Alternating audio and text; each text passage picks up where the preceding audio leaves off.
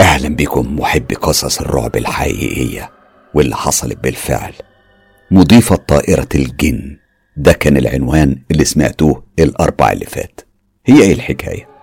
مضيفة طيران عانت من صغرها من لعنة جن عاشق لازمها في مراحل حياتها وتسبب في كتير من الظواهر والأحداث المرعبة. منها أحداث حصلت في رحلاتها الجوية ومنها أحداث حصلت في حياتها كل التفاصيل هتلاقوها متاحة من خلال الحلقة اللي موجودة في الرابط الموجود في التعليق الأول على الحلقة دي وكمان هتلاقوه في خانة الوصف. سونيا البطلة بطلة القصة قررت إنها تتحدى الجن وتتجوز وبعد دخلتها سافر جوزها في مهمة عمل وأصبحت فريسة للجن العاشق. انتهت أحداث الحلقة على إنها صحيت من النوم على صدمة رهيبة. جسمها كله كان فيه آثار اعتداء جسدي رهيب وكان لازم تلاقي مبرر تقوله لجوزها بعد رجوعه. فيا ترى سونيا لقت مبرر؟ الليلة بنكمل الأحداث وبتكتمل قصتها بالكامل. يا ترى جاهزين للاستماع والاستمتاع؟ طيب يلا إيه؟ يلا بينا.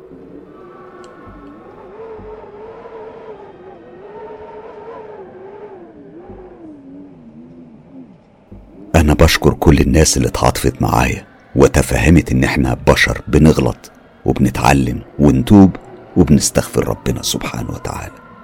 بشكر كل الناس اللي قدرت إن الإنسان ضعيف وإننا بشر مش ملايكه مش محتاج أقول إن كلنا عندنا مشاكل. وكنا يعني لما بنكون بعاد عن ربنا في فترة من الفترات وبنرجع له وبنتوب وبنندم. بيكون إحساس حقيقي وبيكون ندم وتوبة حقيقية. أنا مش عايز أقول لكم إنكم لازم تعيشوا نفس ظروفي وفي بيئتي والمجتمع بتاعي علشان تقدروا تحكموا عليا. أنا مش هطول عليكم أكتر من كده. هكمل باقي قصتي علشان لسه أحداث كتيرة جاية. أنا وقفت في الحلقة اللي فاتت على ظهور أول خيوط الشمس على أوضة نومي اللي كنت واقفة فيها قدام المراية وأنا بتفرج على جسمي اللي كان كله جروح من فوق لتحت وعلامات زرقاء وحوافر حيوان على جسمي. بعد ما الكهرباء عملت قفلة وفصلت في الشقة كلها. هنا أخدت قراري إني هسيب كل حاجة زي ما هي وهروح على بيت ماما هستنى هاني. وقررت إن أنا لازم هحكي له على كل حاجة بالتفصيل. أنا مش وحشة علشان أخدع جوزي. كل اللي حصل ملياش يد فيه. وفي النهاية هاني هو اللي هياخد القرار المناسب بعد كده. وقد كان لما رجع هاني أخدني من عند بابا ورحت معاه على شقتي وشاف بعينيه البرواز اللي اتدشدش مليون حتة وصورتي اللي مقطوعة نصين. والتكييف اللي اتحرق والكهرباء وعلشان أنا كويسة وربنا كان عايز يثبت الحقيقة يعني وما يسيبش أي مجال للشك. بعد ما قلعت وبوري هاني أثار العلامات والحوافر بدأ جسمي يتشقق تاني والجروح تترسم على جسمي وبعينيه شاف الدم كمان. نفس اللي حصل المرتين اللي فاتوا حصل دلوقتي قدام هاني. في أوضة نومه وقدام عينيه. اترسمت الدهشة على وش هاني مخلوطة برعب وهو بيقول أعوذ بالله إيه ده؟ لا لا لا لا كده كتير. إحنا إحنا لازم نشوف حد قوي ومختص في النوع ده من المشاكل ولازم أتأكد بنفسي. يعني لازم أعرف وأتأكد فعلا إن هو بيفهم ومش نصاب. بعدها سرح ثواني كأنه بيفكر وقال أنا عارف هلجأ لمين. في نفس اليوم هاني قال لي إنه تواصل مع عالم روحانيات مشهور جدا. يعتبر نجم تلفزيوني في الفترة دي. مكتبه كان في وسط البلد في القاهرة. المفروض إنه ساحر بكل ما تحمله الكلمة من معنى وإمكانيات يعني. أعتقد ناس كتير معانا دلوقتي ممكن تكون عارفة أنا بتكلم على مين. أنا طبعا مش هقول اسم حد. المهم رحت له أنا وهاني وسامر اللي أصر هو وبابا وماما إنه لازم يجي معانا علشان يطمن عليا. الغريبة في الراجل ده إن شغله كان بيبدأ من الساعة 12 بالليل وده كان ميعاده مع هاني. أول ما دخلت مكتبه في وسط البلد قلبي انقبض. حسيت بخوف مش مبرر. اللي كان مطمني شوية إن جوزي وأخويا معايا. مكتب كان كبير جدا في شباكين على الشارع بس كان عليهم قضبان حديد عاملة زي اللي بتستخدم في السجون أو يمكن في المستشفيات الخاصة بالأمراض النفسية علشان تمنع النزلاء من الهروب. الساعة كانت 11 ونص وبالرغم إن هو كان موجود في المكتب إلا إنه فضل يتكلم في أي كلام عبيط مع هاني عن البلد وأحوالها وظروف الناس اللي بقت وحشة. وأول ما الساعة دقت 12 بدأ الكلام في المهم. كان عامل زي ما يكون كأنه واخد عهد مع الشيطان نفسه إنه مش هيتكلم في أي حاجة غير الساعة 12 فتح درج مكتبه وطلع منه ورقة كبيرة متنية كده بشكل غريب يعني متنية كذا تانية وحطها على المكتب في النص. كان واضح إنه متمرس في الموضوع ده. وفردها فكان طول الورقة تقريبا بنفس طول وعرض المكتب. الورقة دي كانت في حد ذاتها مرعبة. أقول لكم ليه؟ كان كلها طلاسم ورسومات مربعات ومثلثات وحروف وأرقام بشكل عشوائي. أمن على المكتب من بعد ما طلع من درج تاني كيس. واضح إن هو كان كيس بخور وراح في ركن المكتب وهناك كان في مجمرة مش كبيرة قوي. لكن كان واضح عليها إنها مش عادية. ولع الفحم وبعدين حط عليه البخور. وإحنا كنا متنحين في شكل الورقة الغريبة اللي كانت مغطية المكتب. إحنا ما خرجناش من ذهولنا ده. يعني ما فيش حاجة قدرت تخلينا أو تشتت تفكيرنا أو ذهولنا غير ريحة البخور اللي كانت قذرة لأبعد الحدود. لدرجة إني بصيت لهاني وسامر وهم لقيتهم بيبادلوني نفس النظرات بنفس الاشمئزاز. هنا قال الساحر بصوت عميق مخيف وهو كان رايح في طريقه لكبس النور.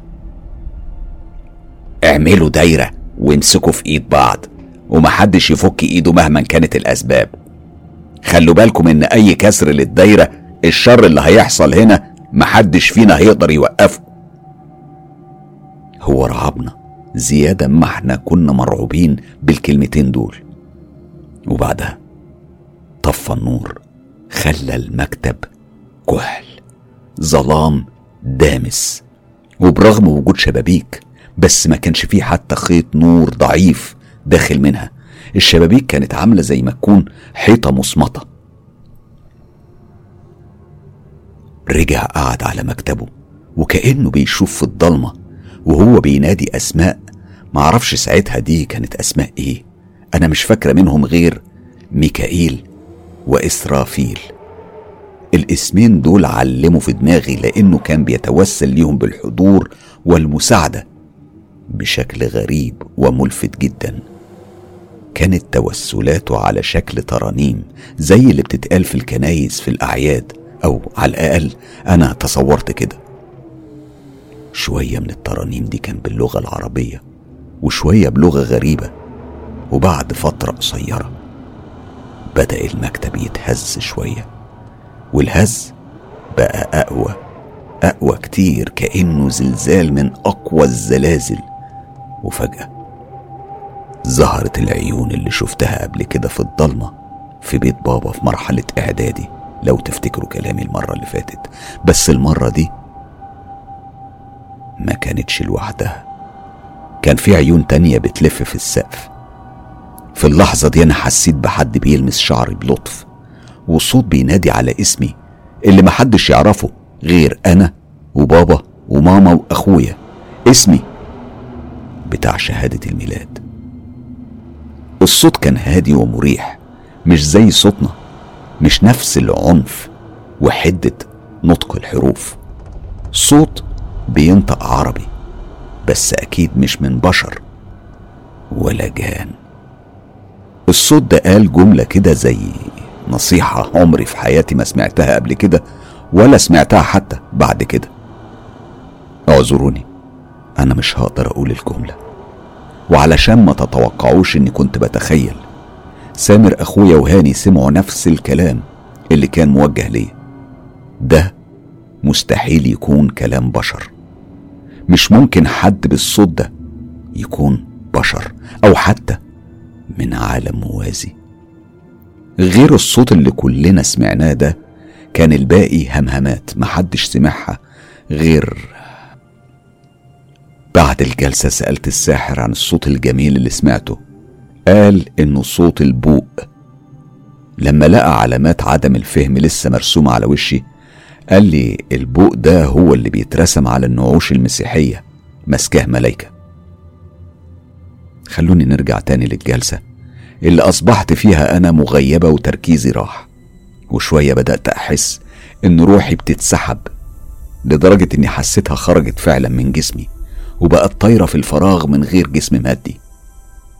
فجأة حسيت بخبط قوي على كف إيدي واضح إن هاني أو سامر كان يعني بيحاولوا يفوقوني. كانوا حاسين برعب وخوف عليا برغم إني كنت حاسة براحة نفسية كبيرة. كنت بتمنى أفضل أطول وقت في الإحساس ده. كنت بتمنى أسمع الصوت ده تاني أو مرجعش عالمي المادي من الأصل. في اللحظة دي أنا سمعت صوت الساحر وهو بيتكلم نفس اللغة الغريبة اللي كان بيتكلم بيها من الأول. حسيت من طريقة وأسلوب الساحر في الكلام إنه بيطلب منهم الانصراف وإنهم يسيبوا جسمي. وهنا أنا فقت. في نفس اللحظة اللي شغل فيها نور المكتب وقال حمد لله على السلامة يا مدام سونيا. كده انت خلاص. بقيتي بألف خير واللي حصل معاكي قبل كده مش هيحصل تاني. بعد ما نلتي بركة الملاكين ميكائيل وإسرافيل. كان وش الساحر أسود وغريب كأنه الشيطان نفسه. من خوفي منه أنا ما نطقتش بكلمة لحد ما نزلت مع سامر وهاني. وإحنا في العربية راجعين أنا قلت باهتمام بالغ أنتوا شفتوا وشه كان عامل إزاي بعد الجلسة؟ رد هاني بتحفظ كان عامل إزاي يا سونيا؟ قلت له بحماس إيه يا ابني أنت ما خدتش بالك إنه كان أسود زيادة من يعني أكتر مما هو يعني أسود؟ وهنا بص هاني لسامر بقلق. فرد سامر مش هو بس اللي كان وشه أسود على فكرة يا سونيا. اترسمت كل علامات الهلع على وشي وأنا بقول أنت تقصد يا سامر؟ رد هاني بشيء من الحزن. أنت كمان وشك وملامحك غريبة قوي يا سونيا أول ما النور اشتغل. حاول هاني يصلح من الكلام شوية لأن كان واضح على ملامحي التأثر كتير بالكلام ده. فتنحنح وكأنه مش مصدق الكذبة اللي هيكذبها وقال أكيد يا حبيبتي من الخوف والقلق لازم يعني التأثير يبان على ملامحك. الموضوع مش سهل على فكرة. دخل سامر على الحوار وقال وطبيعي كمان الساحر وشه يتأثر من المجهود اللي عمله في الجلسة. في إيه يا سونيا؟ يعني هو كان بيتكلم بكذا طريقة وبكذا لغة. أنا كنت أصلا في عالم تاني لأن كل اللي كان شاغل تفكيري إزاي هم يشوفوا ملامحي بالشكل ده بالرغم إني كنت حاسة إني في منتهى السعادة. التفكير خرس لساني لحد ما روحت. وفعلا أنا عشت أسبوع كامل إنسانة طبيعية جدا بس بعد الأسبوع ده كانت النكسة الكبرى. بدأت أشوف نار في كل مكان نار بتظهر لثواني وبتختفي. نار حقيقية مش تخيل. ومع الوقت كانت النار دي بتزيد لدرجة إن في يوم كان الوقت بعد الظهر. خرجت من أوضة النوم لقيت النار ماسكة في الصالون كله. نار شديدة وقوية مع إن مفيش أي مصدر للنار في الصالون. من شدة النار اللي كانت خارجة من كل مكان كانت كمان خارجة من البلكونة. مع الصريخ اللي كان عالي جدا. الناس في الشارع شافت النار وطلعوا جري علشان يطفوها مع أفراد الأمن الخاص بالعمارة ومع وصول أول الأشخاص لباب شقتي. النار اختفت. أيوه اختفت تماما. كنت بحمد ربنا إن الناس شافت النار زيي وإلا كانوا افتكروني مجنونة. بدأت التكبيرات والتهليلات تعلى لأن حتى الستاير والفرش والحيطان ما عليهمش أي أثر لحريقة. الناس عارفة إننا كويسين واعتبروا إن دي مكافأة من ربنا لينا وإنه بيحمينا والحمد لله على الفكرة دي. موضوع النار ده اتكرر في كذا مكان في الشقة الحمام وأوضة النوم. بعد فترة خلصت مرحلة النار ودخلنا في مرحلة المية. كانت بتطلع مية من تحت رخام الشقة كلها. مية بيضة بتعمل فقاقيع زي بتاعة الصابون كده وتنشف لوحدها بعد فترة. مع الوقت أنا كمان بدأت أحس إني غريبة. بقيت بعرف حاجات محدش بيقدر يعرفها غيري. بقيت بحس مين هيموت ومين هيتجوز ومين هتخلف وهتخلف إيه. أصحابي لاحظوا إني مختلفة وبتغير وخصوصا لما كلامي اللي أنا بعرفه من قبل كده بيتحقق. هما بدأوا يخافوا مني. من الوقت ده أخدت القرار إني هحاول أبان طبيعية ومش هقول على أي حاجة أعرفها حتى لو حد سألني. أنا مش بس كنت بعرف أنا كنت بشوف الأحداث قدامي وكأني حضرتها من زمان. الموضوع ده بدأ يأثر عليا وعلى صحتي كتير لدرجة إن آلام المعدة ما كانتش بتنتهي. وبرغم شدتها وقوتها لما كنت بكشف وبعمل تحاليل ما كانش بيظهر إن فيه أي أسباب عضوية. اضطرت الدكاترة تعمل لي مناظير ورنين مغناطيسي وكل أنواع الفحوصات وبرضه ما كانش فيه أي سبب عضوي. الموضوع اتطور معايا لأني بقيت بغيب عن الوعي وأنا صاحية. يعني مثلا أنزل من البيت أركب عربيتي وأمشي وأنا مش حاسة بنفسي ولا عارفة أنا رايحة فين ولا نزلت من البيت إزاي أصلا. كنت أوقات أفوق ألاقي نفسي فوق في المقطم وأوقات ألاقي نفسي عند قصر البارون. وبرغم حالتي اللي كانت بتسوق كل يوم عن اليوم اللي قبله بس أنا ما حكيتش الكلام ده لأي حد لا أهلي ولا جوزي ولا حتى لواحدة من صحباتي. حسيت إني مش محتاجة حد معايا وإني هقدر أوصل لحل لوحدي. أنا أصلا كل مرة كنت بلجأ فيها لحد كان الموضوع بيزيد سوء. فضلت على الحال ده فترة مش قصيرة لحد في يوم. حلمت حلم غريب جدا. حلمت إني حامل وسمعت صوت في الحلم ما سمعتهوش قبل كده. كان بيقول ده ولد وسميه أحمد أنا معرفش لحد دلوقتي الصوت ده كان إيه بس أنا صحيت مبسوطة جدا ومتفائلة. جريت عملت التحليل الحمل وطلعت فعلا حامل. وعلى قد فرحتي كان خوفي ورعبي خوفي على أول بيبي ليا في ظل الظروف اللي بعيشها.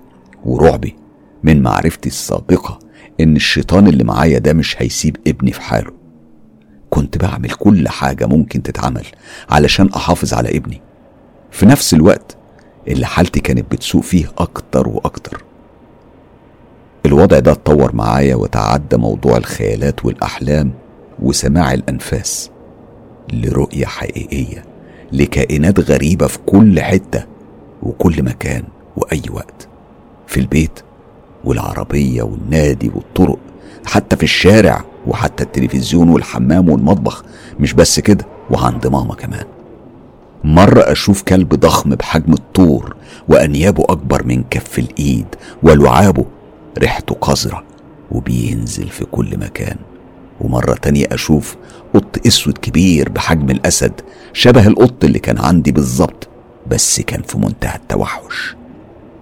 ومرة أشوف سقف الحمام أسود كله من العناكب الكتيرة اللي عليه. ومرة أشوف الأرض كلها فران مستنية أنزل رجلي بس على الأرض. وفي الشارع واللي كان بيعمل لي مشاكل حقيقية لدرجة إن بعض الناس افتكرتني اتجننت حقيقي. أنا كنت بشوف البشر طولهم مترين ونص وعينيهم مش موجودة. مكانها تجويف أسود مرعب. وشفايف سودة وبشرة زرقاء وشحبة كأنهم بيهجموا عليا في الشارع أو النادي. ولما كنت بصرخ بلاقي الناس بقت طبيعية وبتبصلي بنظرة شفقة كأنهم حاسين بحالي. كانت أصعب أيام حياتي برغم كل اللي بشوفه ده وكل اللي شفته. كان في صوت في دماغي ما بيسكتش بيقول بطريقة آلية وكأنه عايز يوصلني للجنان الحقيقي. اتخلصي منه. هيكون سبب لعنتك. وانتقامي هيفضل يلحقك مدى الحياة. حتى لو موتي روحك مش هتسلمي مني ومن انتقامي. أوقات لما بكون في الشقة لوحدي بصوت علشان أحاول أمنع الصوت ده من الكلام واستريح منه ولو لبعض الثواني. لأن واضح خلاص إني فعلا اتجننت زي ما سكان العمارة. ما حسوا بكده. لحد ما في يوم صحيت في عيادة الدكتور. أيوه زي ما أنتوا فهمتوا كده. أنا أجهضت. أجهضت أول طفل ليا وأول فرحتي وأنا مش عارفة ده حصل إزاي وإمتى. واتفقت مع الدكتور برضو إزاي وإمتى. وأنا إزاي أصلا أعمل حاجة زي كده؟ لو حتى فيها موتي.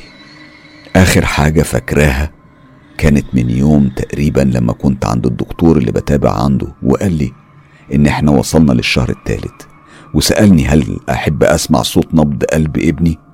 وأنا رديت عليه بمنتهى السعادة اللي كانت لا تتناسب أبدا مع وضعي ساعتها. قلت له يا ريت. وفعلا يوميها سمعت نبضه لأول مرة والآخر مرة. رحت البيت عند ماما وأنا من كتر التعب بقيت شبه المدمنين أو المجاذيب بتوع الشارع.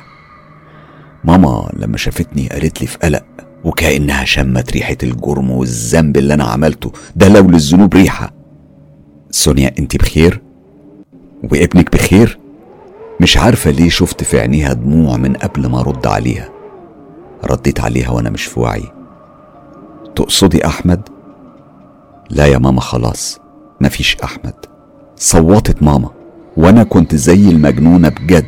ما قدرتش أعمل أي حاجة. ولا حتى أعيط.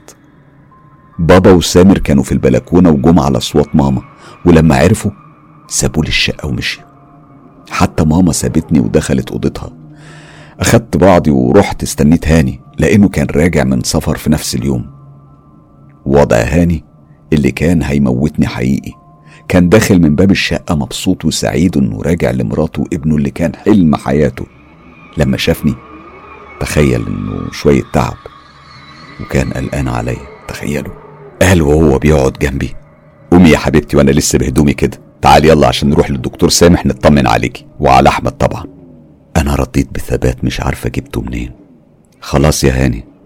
أنا أجهضت البيبي. وقف هاني فترة لا بيتكلم ولا بيتحرك. دموعه كانت نازلة بغزارة على خدوده وكأنها نافورة نازلة من عيون تمثال يوناني. كلمة انهيار مش هتوصف وضع هاني. ما قالش غير كلمة واحدة بس. بعد كام دقيقة من الذهول. انت طالق. أنا كمان ما اتكلمتش. دخلت حضرت شنطتي وروحت على شقتي المقفولة اللي كان بابا جايبها لي وكاتبها باسمي أمان من الزمن يعني. وهي جه وقتها. فت على جدتي أخدتها معايا لأني ما كنتش هقدر أعيش لوحدي خصوصا إن الصوت ما انقطعش عني. بس بدل ما كان بيقول لي تخلصي من ابنك بقى بيقول بنفس النبرة الشيطانية. انت إزاي قادرة تعيشي كده؟ إزاي بعد ما قتلتي ابنك قادرة تكملي حياتك بكل اللي فيها من ألم وشر؟ لازم تتخلصي من كل الوجع ده. لازم تتخلصي من حياتك. الصوت ده ما كانش بيغيب عني حتى وأنا نايمة. واضح إن مفيش حلول تانية. فضيت شريطين من مهدئ معروف مش هقول اسمه وساعدني إن كوباية مية كبيرة كانت جنبي وما أخدتش وقت كبير عشان أحسم أمري. كنت باخد كبشة من الحبوب بحطها في بقي وبشرب عليهم مية بسرعة كأني كنت بحاول أتأكد إن موتي هيبقى حتمي وفوري. وكل مرة كده لحد ما خلصت البرشام كله في وقت قصير جدا. بدأ الصوت يختفي في راسي. مش بس الصوت اللي كان بيختفي دي الرؤية نفسها كانت بتختفي شوية شوية. وعي كان بيغيب هو كمان. شوية شوية. وهنا ظهر الكلب الضخم اللي كنت بشوفه بحجم الطور وأنيابه وريحته القذرة. بس المرة دي كانت عينيه بتطلع نار.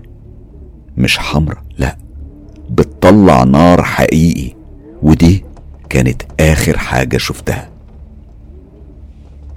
فقت بعد كذا يوم على صوت جهاز بيصفر بشكل منتظم وريحة مطهر قوية أو معقم ونور بيلف فوق راسي مع شكل ملائكي بيقول بعزوبة حمد لله على سلامتك يا مدام.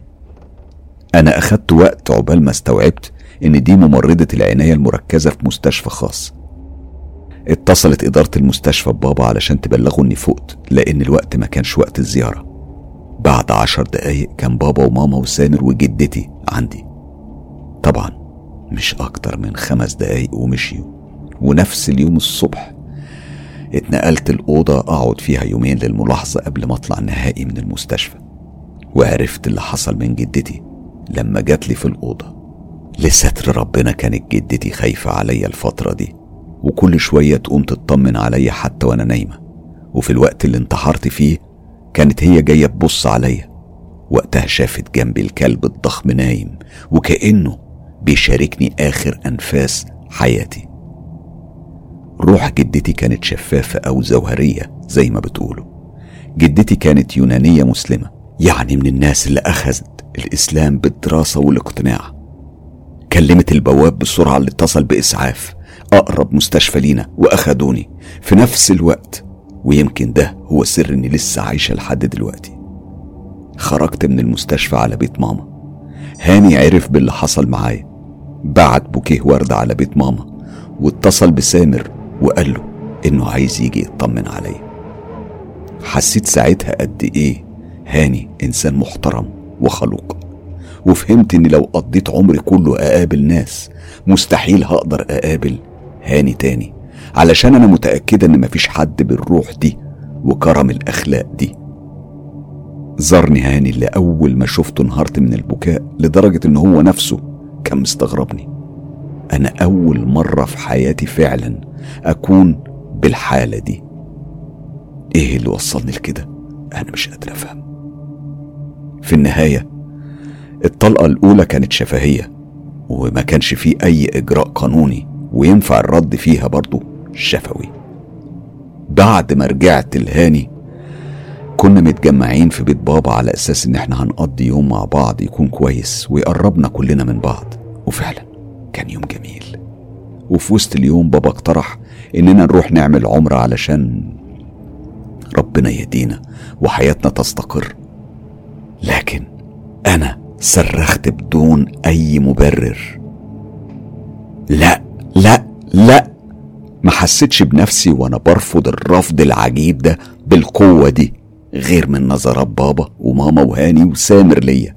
مش بس كده كمان تركيزهم على جسمي اللي كان بيرتعش بشكل غريب وعجيب. حاولت أهدى شوية وأهديهم من صدمتهم فقلت لهم إن أنا عايز أقضي أجازة مع هاني في رحلة في النيل للأقصر وأسوان وإن إحنا كده مش هنلحق نعمل إجراءات سفر العمرة أجازة هاني كمان مش كبيرة. وفعلا ما رحناش العمرة ورحنا رحلة الأقصر وأسوان. وهناك حصل الحمل التاني بسرعة. المرة دي كنا مهتمين جدا مش هاني بس أنا كمان كنت مهتمة وهو ما كانش بيسيبني حتى في متابعة الدكتور على قد ما يقدر. كان بيجي معايا ويطمن زيي. كنا بنشوف البيبي على السونار وكله تمام لحد الشهر التالت. وكان عندي متابعة وجه معايا هاني للدكتور وفي السونار كانت المفاجأة. البيبي مش موجود. أيوه زي ما سمعتم كده. البيبي مش موجود نهائي. الدكتور نفسه كان هيتجنن. هاني كان مصدوم ومش مصدق. طلب مني الدكتور استنى في الاستراحة واشرب مية كتير. أنا فعلا نفذت ده بس برضه البيبي مش موجود. هاني قال وكان لسه في ذهول. يلا بينا يلا بينا نروح مستشفى تاني. أنا مش هستنى أكتر من كده. رحنا فعلا مستشفى تاني. وعملت سونار وفعلا البيبي اختفى وكأنه ما كانش موجود من الأصل. رجعنا تاني للدكتور سامح اللي قال إني لازم أدخل العمليات حالا لأن الموضوع طبعا مش طبيعي. وخصوصا إن هو مش سامع نبض. ودخلت العمليات وكان البيبي خلاص مات. وكانت تاني إجهاض لتاني بيبي ليا. هاني كان متفهم إن الموضوع مش بإيديا وأكيد أنا بعاني من نفس المشكلة اللي هو عارفها من وأنا صغيرة وكان مقدر إني ما ضحكتش عليه. عدت الأيام وكنت في عيد ميلاد صاحبتي في مصر الجديدة وراجعة بعد نص الليل من شارع العروبة. في الفترة دي كان في قصر كبير مهجور من سنين. معرفش ليه. حسيت إني عايزة أدخن سيجارة.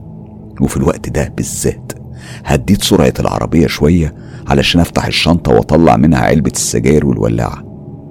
عند باب القصر بالظبط وقفت العربية. وحسيت بوميض نور فجأة نور في راسي مش في وشي وشفت مشهد غريب. كنت واقفة في نص الهول بتاع القصر علما بإني عمري ما دخلته. ولا أعرف شكل الهول بتاعه عامل إزاي.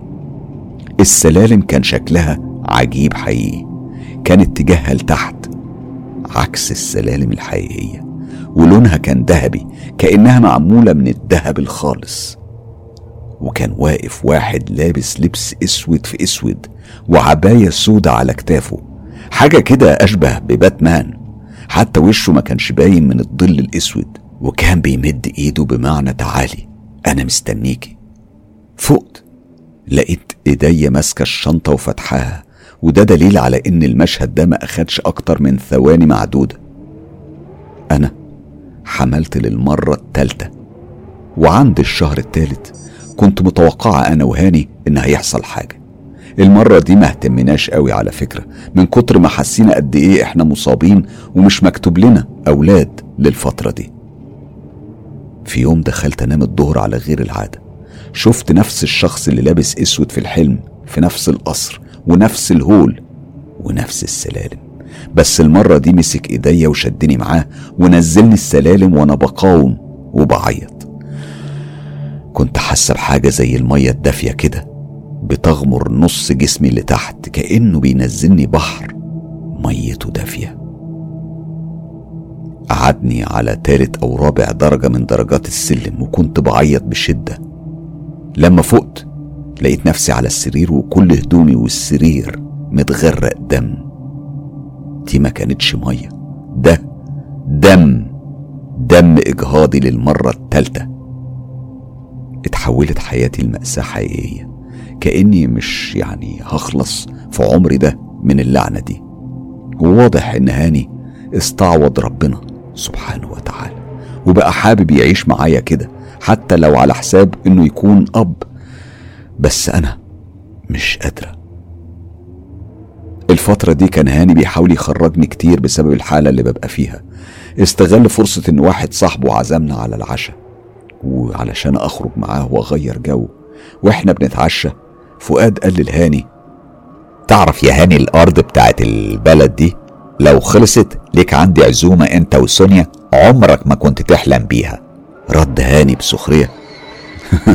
انت بتقول كده علشان متأكد انك مش هتطول منها حاجة يا فقري أرض ورثه في الصعيد وعليها مشاكل. متخيل يعني هتصحى الصبح تلاقي عمك بيكلمك بيقولك تعالى يا فؤاد خد ورثك. فابوك اللي واكله عليك بقاله سنين.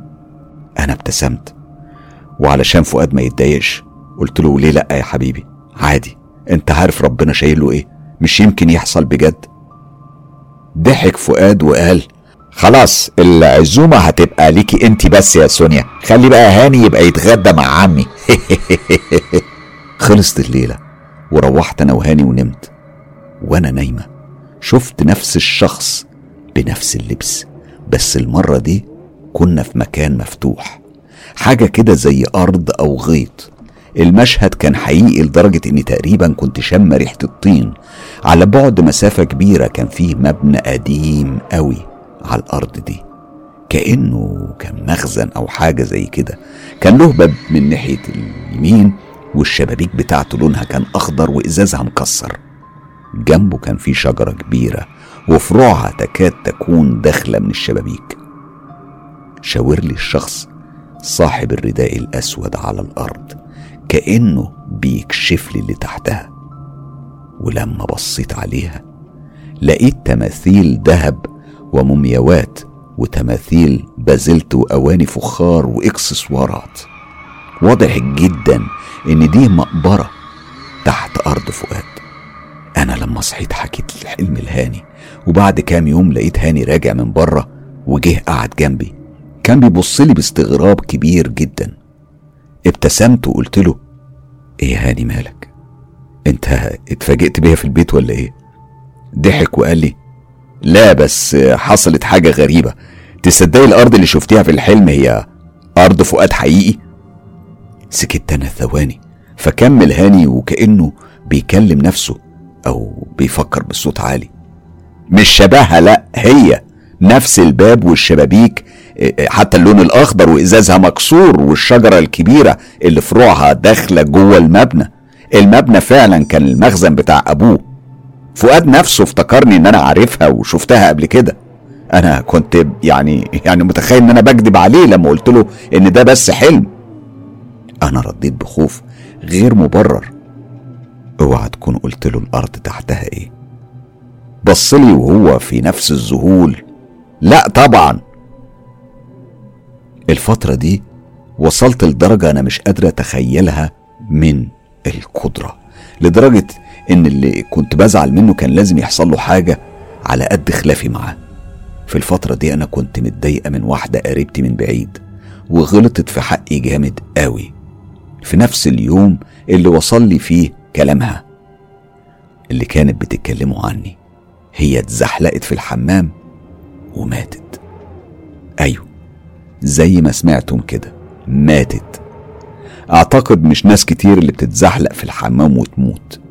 وواحدة صاحبتي عملت معايا مشكلة وظلمتني. بعد فترة اكتشفت إن عندها كانسر منتشر في جسمها وماتت. الفترة دي كنت بشوف الراجل صاحب الرداء الأسود في البيت عندي مش بس أحلام. كنت بشوفه لثواني وبيختفي. كان بينام جنبي. كنت بحس بيه. وبشم ريحته. حاجة كده عاملة زي ريحة السجاير لما تنطفى. ما اكدبش عليكم كنت عايزة أخلف. مش فارق بقى معايا يكون جن في الشقة ولا إبليس نفسه. أنا لازم أبقى أم ومن حق هاني يبقى أب. في يوم كان هاني أجازة وقاعد معايا في البيت. قلت له هاني أنا عايز أتعالج. لقيته بصلي باهتمام وقال من إيه بس يا حبيبتي؟ أنا رديت بحزم من المس اللي عندي. أنا عايز أبقى أم وبكيت. حضني هاني وقال حاضر يا حبيبتي ما تقلقيش. أنا مش هسكت غير لما تبقي أم وأنا هبقى أب. طول اليوم هاني كان بيعمل تليفونات. أسامي الناس اللي كان هاني بيكلمهم كانت حاجة تخض بصراحة. لحد ما وصل لشيخ كان قوي ومعروف قوي. أنا كنت عارفاه وعارفة اسمه وتوسمنا فيه الخير. خلوني أسميه عاصم. وفعلا في أقرب وقت كان الشيخ عاصم عندنا في البيت. وأنا وهاني بس معاه. وبدأت أحكي كالعادة من أول أقزام الحمام ولحد ما وصلت لساحر وسط البلد. الاهتمام اختلف تماما. من بعد ما حسيت واحد بيسمع قصة ألف ليلة وليلة لواحد مسك حرامي. سأل في كل حاجة وكل تفصيلة. ولما وصلت لصوت الملكين ميكائيل وإسرافيل فقد الشيخ عاصم أعصابه. مش أعصابه بس ده فقد السيطرة حتى على تحركاته. كان ناقص يمد إيده عليا حرفيا. سأله هاني وهو بيحاول يسيطر عليه.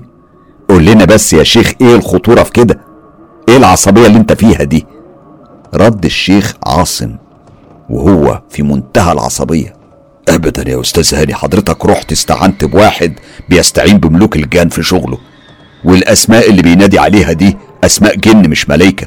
وهنا شاور عليا إن الصوت عجبها يعني يبقى فيه اتفاق ضمني إنها مش هتبقى لوحدها حتى لو الساحر ده حاول يصرفه. فهمت؟ قلت وأنا أنا أنا وأنا حاسه ان أنا سبب الكوارث على كوكب الأرض. طب والحل إيه يا شيخ؟ رد هو لسه منفعل. الحل في ايديكي في ايديك انت ومن أول يوم. والشيخ المحترم اللي قعدت معاه أول واحد قالها لك بكل صراحة ووضوح. انت اللي مش عايزة تساعدي نفسك. مفيش مفر يا بنتي غير لحضن واحد بس. هو حضن ربنا. لازم تصلي على الأقل وبعدين نشوف هيحصل إيه. طريقك صعب بس هو طريقك انتي محدش هيقدر يمشيه غيرك. قلت له يعني في الآخر هخلف يا شيخ؟ الشيخ صرخ وهو خلاص برج هيطير من دماغه. من إمتى؟ من إمتى ربنا محتاج يا بنتي؟ من إمتى رد ربنا مستني؟ أنت جربتي تلجئي له وخذلك. جربتي كل الطرق اللي فيها كفره. ممكن مرة واحدة بقى تجربي طريق ربنا. هنا. أنا أخدت القرار إني هصلي حتى لو هموت. طبعا الموضوع كان صعب جدا في البداية مش الصلاة بس لا. من أول الوضوء من حتى النية اللي قبل الوضوء. الوضع كان صعب عليا جدا بس في النهاية أنا كنت بصلي. وحملت لرابع مرة. الحمل كمل لحد الشهر الثالث الملعون. واستنيت أنا وهاني الحدث الأكثر رعبا في حياتنا. وأنا لسه بصلي. ووصلت للشهر الرابع وأنا طايرة من الفرحة. ولسه البيبي كان بيبان في السونار. ووصلت الخامس. وأنا مفيش حد على وجه الأرض في سعادة زي سعادتي. وطلبت من هاني وبابا إني أروح أولد في أمريكا. كنت حاسة إني بالشكل ده هحمي طفلي من اللعنة. وكمان كانت موضة ساعتها وكان ليا صحبات كتير عملوها وقد كان. على أراضي أمريكا شرفت الدنيا القمر اللي نور حياتي كلها بنتي نغم. وهنا أنا نسيت الدنيا باللي فيها حتى الشيخ عاصم وتعليماته. رجعت مصر مع بنتي والفترة دي حسيت إن هاني بيبعد عني بشكل ملحوظ. التفكير كان هيموتني. معقولة هاني ممكن يكون خلاص بطل يحبني بمجرد الولادة؟ في لحظة صراحة هاني قال لي إنه مش قادر يقرب مني لأنه لما بنبقى مع بعض بيشوف حوالين جسمي هالة سودة بلع جسمي كله وحجباه عني. بقى بيخاف يقرب مني. وفي لحظة سألني السؤال اللي أنا كنت خايفة منه. سونيا أنت لسه بتصلي وبتعملي الحاجات اللي الشيخ عاصم قالك عليها؟ رديت عليه بمنتهى البساطة. طبعا يا هاني وهفضل أصلي إن شاء الله. طبعا كان كل الكلام ده كذب. في الفترة دي أنا كنت بحلم بنفس الشخص صاحب الرداء الأسود. كنت بحس بمتعة كبيرة وأنا معاه. وبتمنى من جوايا إن هو يكون صاحب الصوت اللي سمعته في البوق. هو عمره ما اتكلم معايا. لا مش هو نفس الجن اللي كان معايا في الأحداث اللي قبل ما أروح للساحر في الأوتيل والطيارة. ولما تقريبا هو فهم إني بتمنى يكون هو قرر إن هو يكلمني بنفس الصوت الهادي المريح وبلغة عربية فصحى سليمة. وبلون لبسه الأسود اللي بيزيده جاذبية. اتكلم لأول مرة وقال لي إني هشوفه قريب وإن أنا لازم أكون مستعدية لهذا الحدث. وفي يوم كان عندي ميعاد مع دكتور في برج الأطباء. أنا بحب أركن قدام البرج لأني بستبعد أوي الجراج اللي تحت بس مش عارفة ليه المرة دي لقيتني نازلة الجراج ركنت العربية وأول ما نزلت منها حسيت إن الجو سخن جدا بالرغم إن إحنا كنا في شهر فبراير في عز التلج. مشيت شوية في اتجاهي للأسانسير. لقيت صاحب الرداء الأسود واقف عند باب الأسانسير وبنفس الريحة ريحة السجاير المحروقة. بس المرة دي كان وشه باين. أنا مهما حكيت لكم عن جماله مش هتصدقوا كائن في منتهى الوسامة. أنا من ذهولي اتسمرت شوية في مكاني وبعد ثواني كان اختفى. دورت عليه في كل حتة ما كانش له أي وجود ما كانش ظاهر لدرجة إني ركبت العربية وكنت بدور عليه في الجراج زي المجنونة. في الفترة دي هاني كان بعد تماما عني وبحكم إن هو اترقى في شغله كانت سفرياته أكتر وغيابه عن البيت أكتر وأكتر. حتى العلاقة الجنسية بينا كانت فاشلة بكل ما تحمله الكلمة من معنى. أنا لما فقدت الأمل إني ألاقيه في الجراج روحت على البيت حتى من غير ما أكشف كانت مسيطرة عليا فكرة طول الطريق وهي إني أبعت نغم عند ماما مع المربية بتاعتها. وفعلا أنا أول ما روحت خليت المربية تاخد نغم وتروح بيها عند ماما على أساس إني هاخد شاور وهحصلهم. وأنا باخد شاور تحت الدش. لقيت المية بتسخن قوي والدخان بيزيد في الحمام.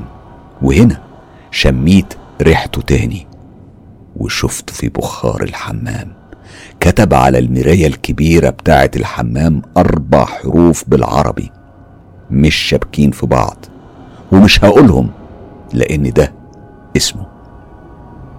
أنا طلعت من الحمام جري وأنا خايف عايز ألبس أي حاجة وأروح لماما بس معرفش إيه اللي خلاني أروح على السرير وأحس إني عايز أنام. النور كان مفتوح وأنا على السرير وهنا سمعت في وداني أغنية كنت بشغلها وقت الممارسة مع هاني. حسيت برغبة غير عادية في الممارسة في الوقت ده بالذات. وهنا دخل عليا هاني. ده ما كانش ميعاده وهو عمره عمره ما فاجئني بحاجة زي كده أبدا. شوية.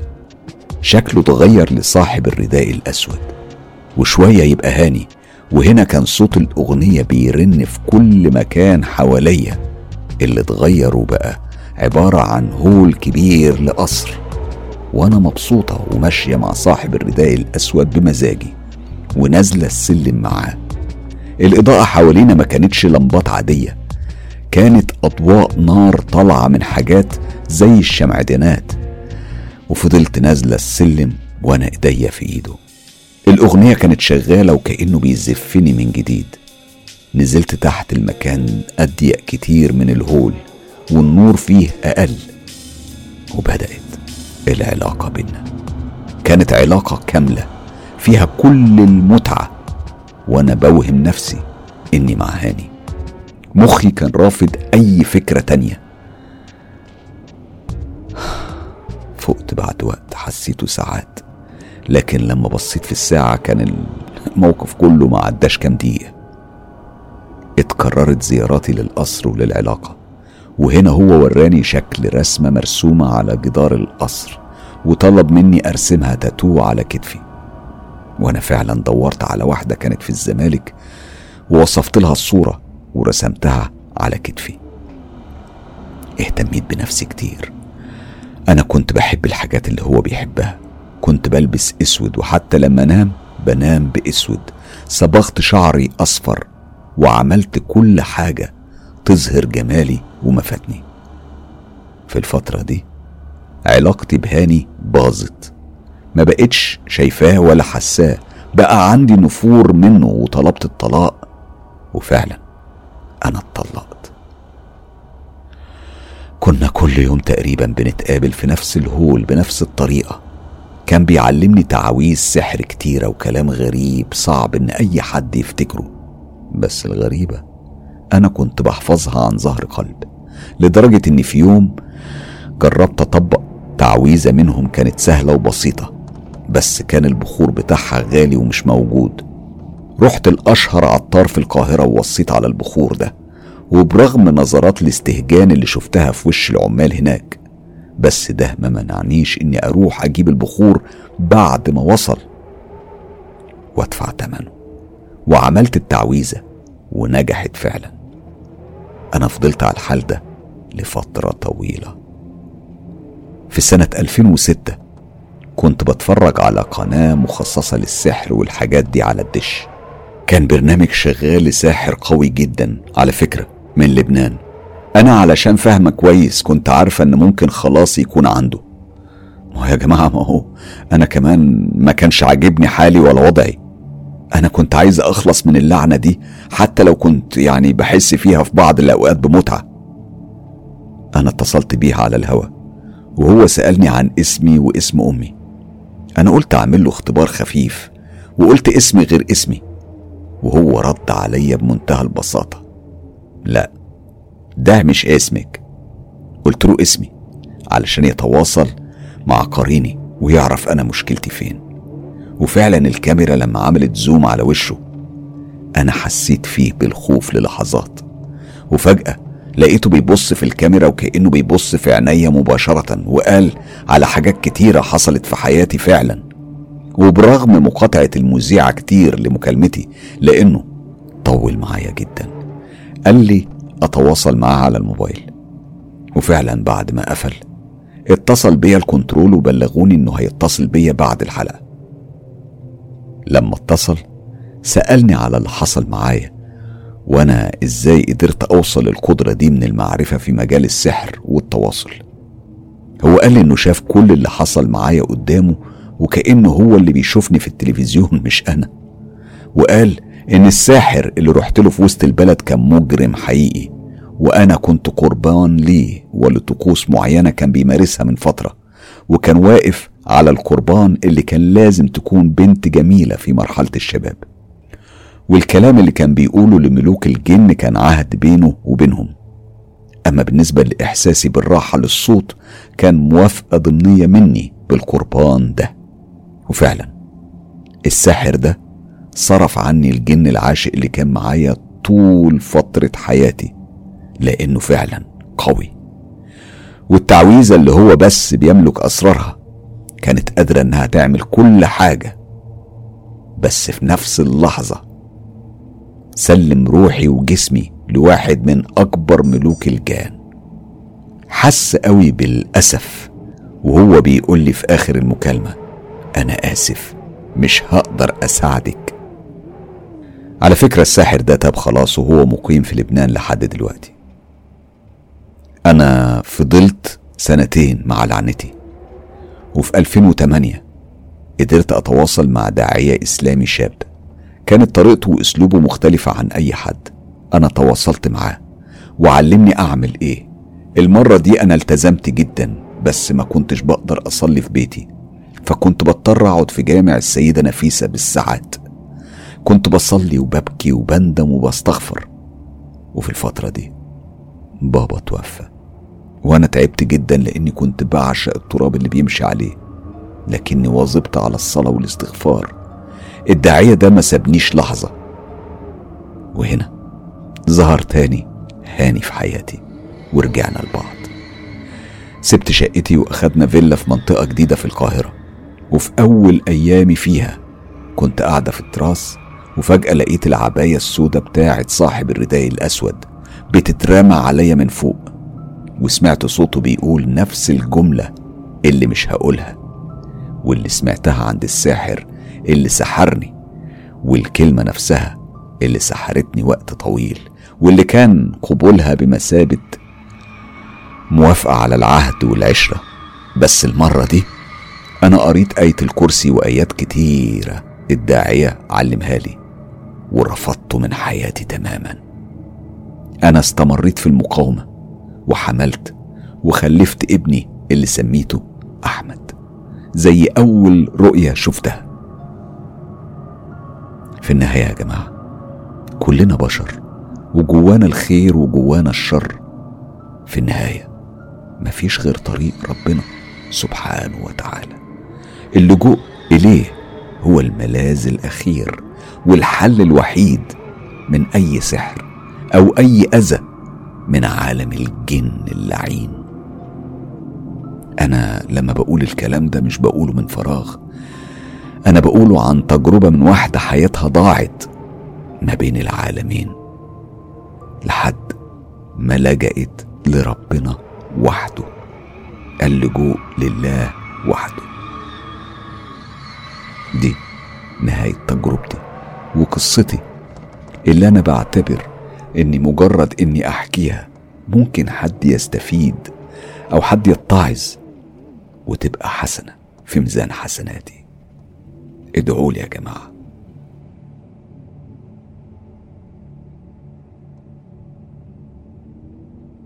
قصة مرعبة وحزينة فعلا مؤلمة.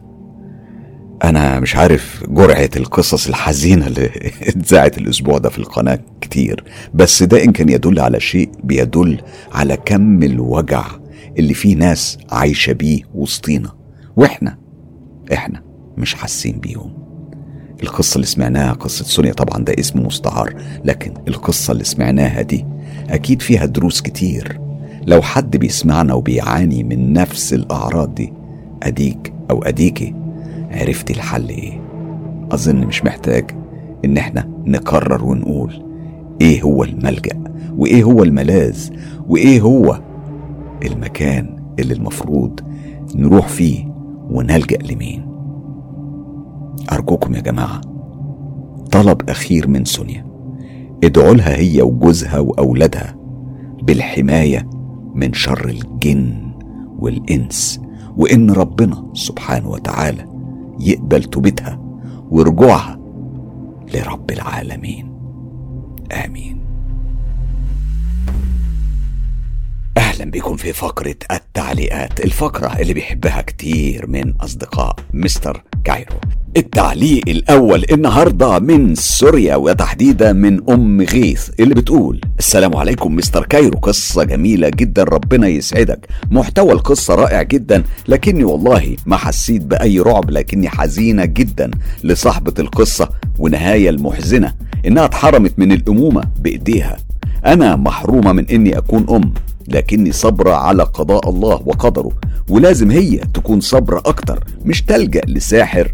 ربي يكون معاها ويسامحها على اللي عملته في نفسها. تحياتي لمستر كايرو من سوريا من أختك أم غيث. أتمنى تذيع تعليقي يا باشا. أم غيث نورت القناة ونورت فعلا group مستر كايرو ودايما بحب إن أنا أسمع كل الأصدقاء من كل مكان في العالم بيطلبوا إنهم يسمعوا تعليقاتهم علشان أقولها. أنا سعيد جدا بتعليق أم غيث. التعليق ده من رانيا مهنا بتقول على قصة مضيفة الطيران قصة حلوة جدا وأدائك خلاها أحلى يا ابن بلدي إسكندرية. رانيا أنت عرفت منين المعلومة دي؟ حتى لو القصة معادة أو شبه حاجات أو شبه حاجات كتير سمعناها بس الحلو فيها إنها تجربة شخصية. وأنا في انتظار التكملة. أظن سمعتيها النهارده يا رانيا وأتمنى تكون عجبتك. هي بتكمل وتقول أنا دايما ما بصدقش 100% وما بكذبش 100% وده بيخليني أستمتع بالحكاية والراوي ايا كانت لأن لا ضروري أصدق ولا ما صدقش الضروري إني أستمتع وأخد خبرة وبس. ودي النتيجة اللي بطلع منها من كل فيديو بسمع ليه في قناتك هنا. على فكرة تعديل عجبني ردك الراقي على المتابعين اللي ليهم وجهة نظر مختلفة. أنتم قناة لها نهج خاص بيها ولها أدمنز كتير محترمين وبارعين وعارفين بيعملوا إيه. بحييكم جميعا. رانيا مهنا بنت بلدي اسكندرية الغالية اللي وحشتني كتير. بشكرك كتير على تعليقك الجميل وعلى تقديرك الغالي وأكيد كل ال admin الخاص بالقناة سعداء جدا بتعليقك وبيبعتولك أحلى تحية من كل بلاد العالم لأن إحنا عندنا ال admin mix من كل مكان في الدنيا. بشكرك كتير رانيا مهنا. التعليق ده من نادية باهي بتقول أحسنت وأبدعت زي العادة أستاذ حسام بتاخد الواحد في حتة تانية. صوت جميل جدا. شكرا على قصصك اللي محلية اليوتيوب. شكرا لحضرتك على كل إبداعاتك. بتمنى لحضرتك مزيد من التألق. ندى بشكرك كتير يا ندى الباهي. سعيد جدا بتعليقك الجميل. وأكيد بتمنى أكون دايما عند حسن ظنكم على طول. يا رب. التعليق ده من صديقي جوكر تشانل بيقول أرقى كلام برسله ليك مستر حسام مع سرب من الحمام. لأقول لك أنت ملك الرعب مع كل امتنان. ربي يخليك ويحفظك من الإنس والجان. الجوكر بيحييك من الجزائر.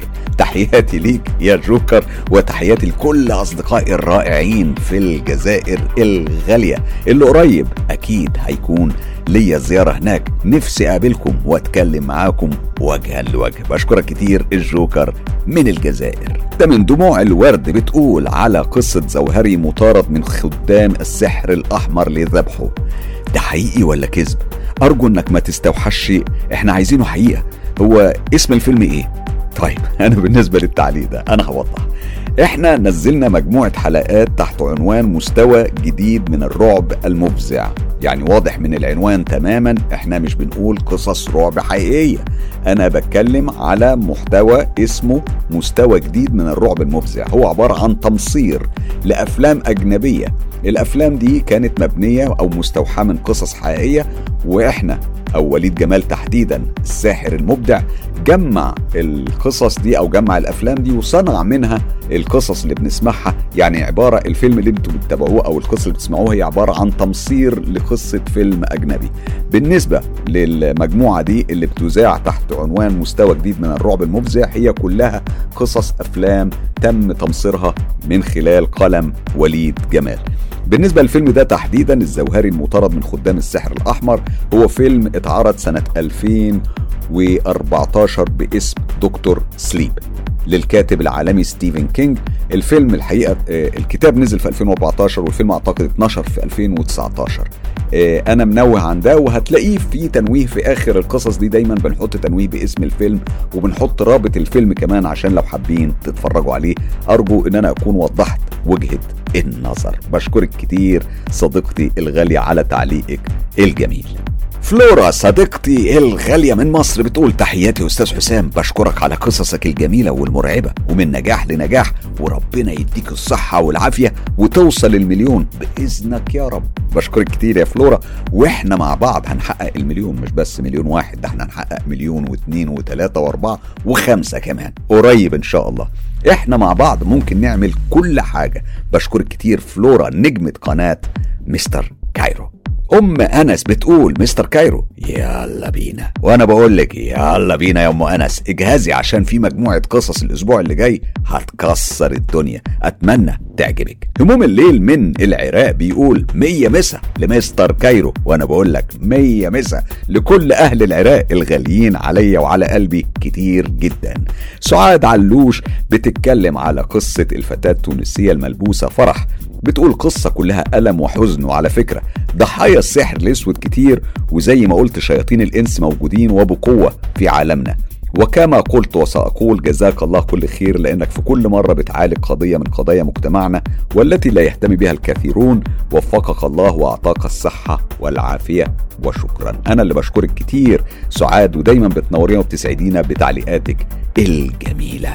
التعليق ده من أنا حكاية بتقول. على قصة فرح برضه مساء الخير أستاذ حسام مصباح. اللحظة انتهى البث لقصة فرح المسكينة.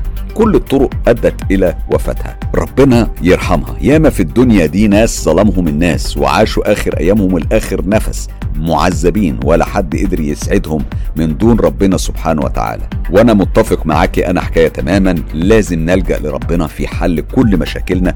ما نلجأش ولا لصحراء ولا دجالين ولا مشايخ ولا كل الكلام ده. الطريق الوحيد للنجاة هو اللجوء إلى الله وحده سبحانه وتعالى. دايما أكرم بتقول يا سلام على صوتك وأدائك وقدرتك إنك تعيشنا مود الرعب وترفع الأدرينالين لأعلى درجة. تحياتي المعطرة وكل عام والنجوم اللامعة. الثلاثه بألف خير. ربي ما يحرمنا منكم عائلتنا الغالية. أحلى كلمة بحب أسمعها في الكومنتات إن إحنا عيلة فعلا عيلة مستر كايرو اللي بتضم الناس على اختلاف جنسياتهم وأشكالهم وألوانهم وأجناسهم. كلنا بنتجمع تحت راية واحدة كلنا في بيت واحد في أسرة واحدة أسرة مستر كايرو. وده هو الإحساس الجميل اللي إحنا بنحاول إن إحنا ننشره في كل مكان وبنحاول نتجمع ونكبر العدد اللي كل يوم بيزيد عن اليوم اللي قبله. بشكرك كتير صديقتي الغالية. ابتهاج المهنة بتقول اللي فات حمادة واللي جاي إيه؟ حمادة تاني خالص. فعلا. آه كلمة وليد جمال المشهورة واللي الكل بيرددها فعلا. قصة الساحر سابت أثر كبير في قلوب الناس وده أسعدني كتير. وأنا متأكد إن وليد بيسمعنا دلوقتي وهو سعيد إنه بيسمع جملته المشهورة والناس كلها بترددها دايما وبيستنوها على قناة مستر كايرو. رشا محمود صديقتي الغالية جدا بتقول مستر كايرو ممكن تعيد قصة ظام من الأول تاني على القناة زي شارع 101 لأنها من أروع القصص اللي سمعتها لحد دلوقتي. رشا خدي بقى المفاجأة دي. أنا الأسبوع اللي جاي إن شاء الله بجهز لكم مفاجأة من العيار الثقيل. المفاجأة دي هتكون عبارة عن قصة ظام من أولها بقى لآخرها. يعني أنتوا سمعتوها في موسمين. الموسم الأول كان ظام الموسم الثاني كان ظام وسر هافا. المجموعة النازلة هتبقى عبارة عن ال 15 حلقة بتوع زام وال15 بتوع زام وسر هافا كلهم في ملف واحد بعنوان زام وسر هافا. أعتقد إن الملف ده هيبقى مدته حوالي 9 ساعات من 8 ل 9 ساعات. 9 ساعات من المتعة. فعلا اللي فاتوا حلقات زام ما يفوتش المجموعة دي. التجميعة دي هتكون من أقوى التجميعات اللي قدمناها على قناة مستر كايرو. قصة زام وظام وسر هافا ليها يعني مكانة كبيرة جدا في قلبي. لما كتبتها هي عبارة عن أحداث أنا عشتها بشكل شخصي ونقلتها بعد ما ضفت عليها من خيالي الشرس وصنعت الدراما اللي هتسمعوها دي. معظم الأحداث مبنية على أحداث حقيقية. والشخصيات اللي بتكلم عنها شخصيات منها اللي فارق الحياة ربنا سبحانه وتعالى يرحمهم ومنها اللي لسه موجودين لحد النهاردة.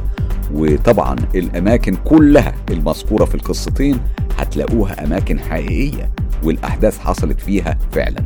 يمكن مش بالكيفية دي بالظبط لكن حاجات قريبة قوي من اللي هتسمعوه. شيء مدهش مثير مخيف ومرعب لكنه ممتع. استنوا. ده من سمير زيزو من الجزائر. بيقول تحية ليك يا مستر. يا ملك الرعب يا دراكولا اليوتيوب. حلو دراكولا اليوتيوب. بشكرك سمير. نورت الدنيا أنت وأصدقائي الجزائريين في كل مكان. أسيل صديقتي الغالية صاحبة قناة أبسطها لك بتقول على التفاصيل الصادمة والمخيفة في قضية شابة اختفت وكأنها كانت عدم من حلقات اختفاء ودي كانت الحلقة الأولى من اختفاء بتقول عنها حلو قوي. كمل صوت وصورة في النوعية دي من القصص. غالبا الشخص اللي هي كانت معاه هو اللي عمل فيها حاجة.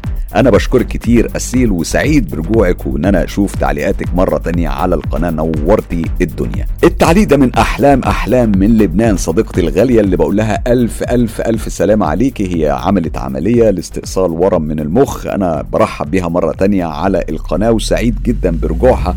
وألف سلامة عليكي يا أحلام صديقتي الغالية من لبنان.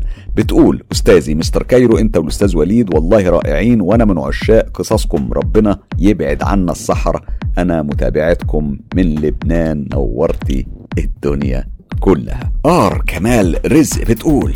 أنا بقول رائع كالعادة يا مستر كايرو وأنا اللي بشكرك كتير. آر كمال رزق. أنا طبعا معرفش الآر بترمز لرانيا ولا بترمز لرضوى ولا بترمز لإيه بالظبط. ممكن أكتر من اسم لكن في النهاية هي كمال رزق. أنا بوجه لها التحية وبشكرها كتير. هي من أصدقاء القناة على فكرة القدام القدامى اللي بيتابعوا القناة من زمان من أيام ما بدأنا مع ظام سعيد جدا برجوعها مرة تانية. نورتي القناة ونورتي الدنيا. وزي ما بتقولي في تعليقك أنت كنت مشغولة وأنا مقدر ده تماما بس سعيد جدا بعودتك مرة تانية لأسرتك أسرة مستر كايرو. التعليق ده من صديقي الغالي مصطفى يوسف بيقول قبل الاستماع والاستمتاع like وأجمل التعليقات لمستر حسام مصباح حبيب قلوب عائلة Mister Cairo لأني واثق في جمال القصة وتأثيرها على قلوب متابعين Mister Cairo. مصطفى يوسف أكبر وأحلى تحية ليك هنا من لندن. بشكرك كتير على تعليقك الجميل. أشرقت الجندي بتقول ربنا ينتقم من كل ظالم. الحقيقة يا مستر كايرو أنت مالكش حل. أنت إزاي بتقنعني إنك بنت وست مسنة وراجل وشاب وجن؟ أنا لغيت كل قنوات الرعب بعد حسام مصباح. مفيش رعب. أشرقت الجندي نورت الدنيا. تعليقك جميل وبشكرك كتير. لا وارجوكي ما تلغيش القنوات التانية. لازم المنافسة تفضل موجودة. ما ينفعش يبقى في دوري فيه أهلي بس أو زمالك بس أو يعني فرقة واحدة هي اللي بتقوم بالماتش. لازم يبقى في أكتر من فرقة وفي تنوع ومحاولات المنافسة الجميلة. في النهاية بتأدي نتائج كويسة لصالح المستمع اللي بيسمع القصص. ليه؟ لأن إحنا كلنا كقنوات بننافس بعض.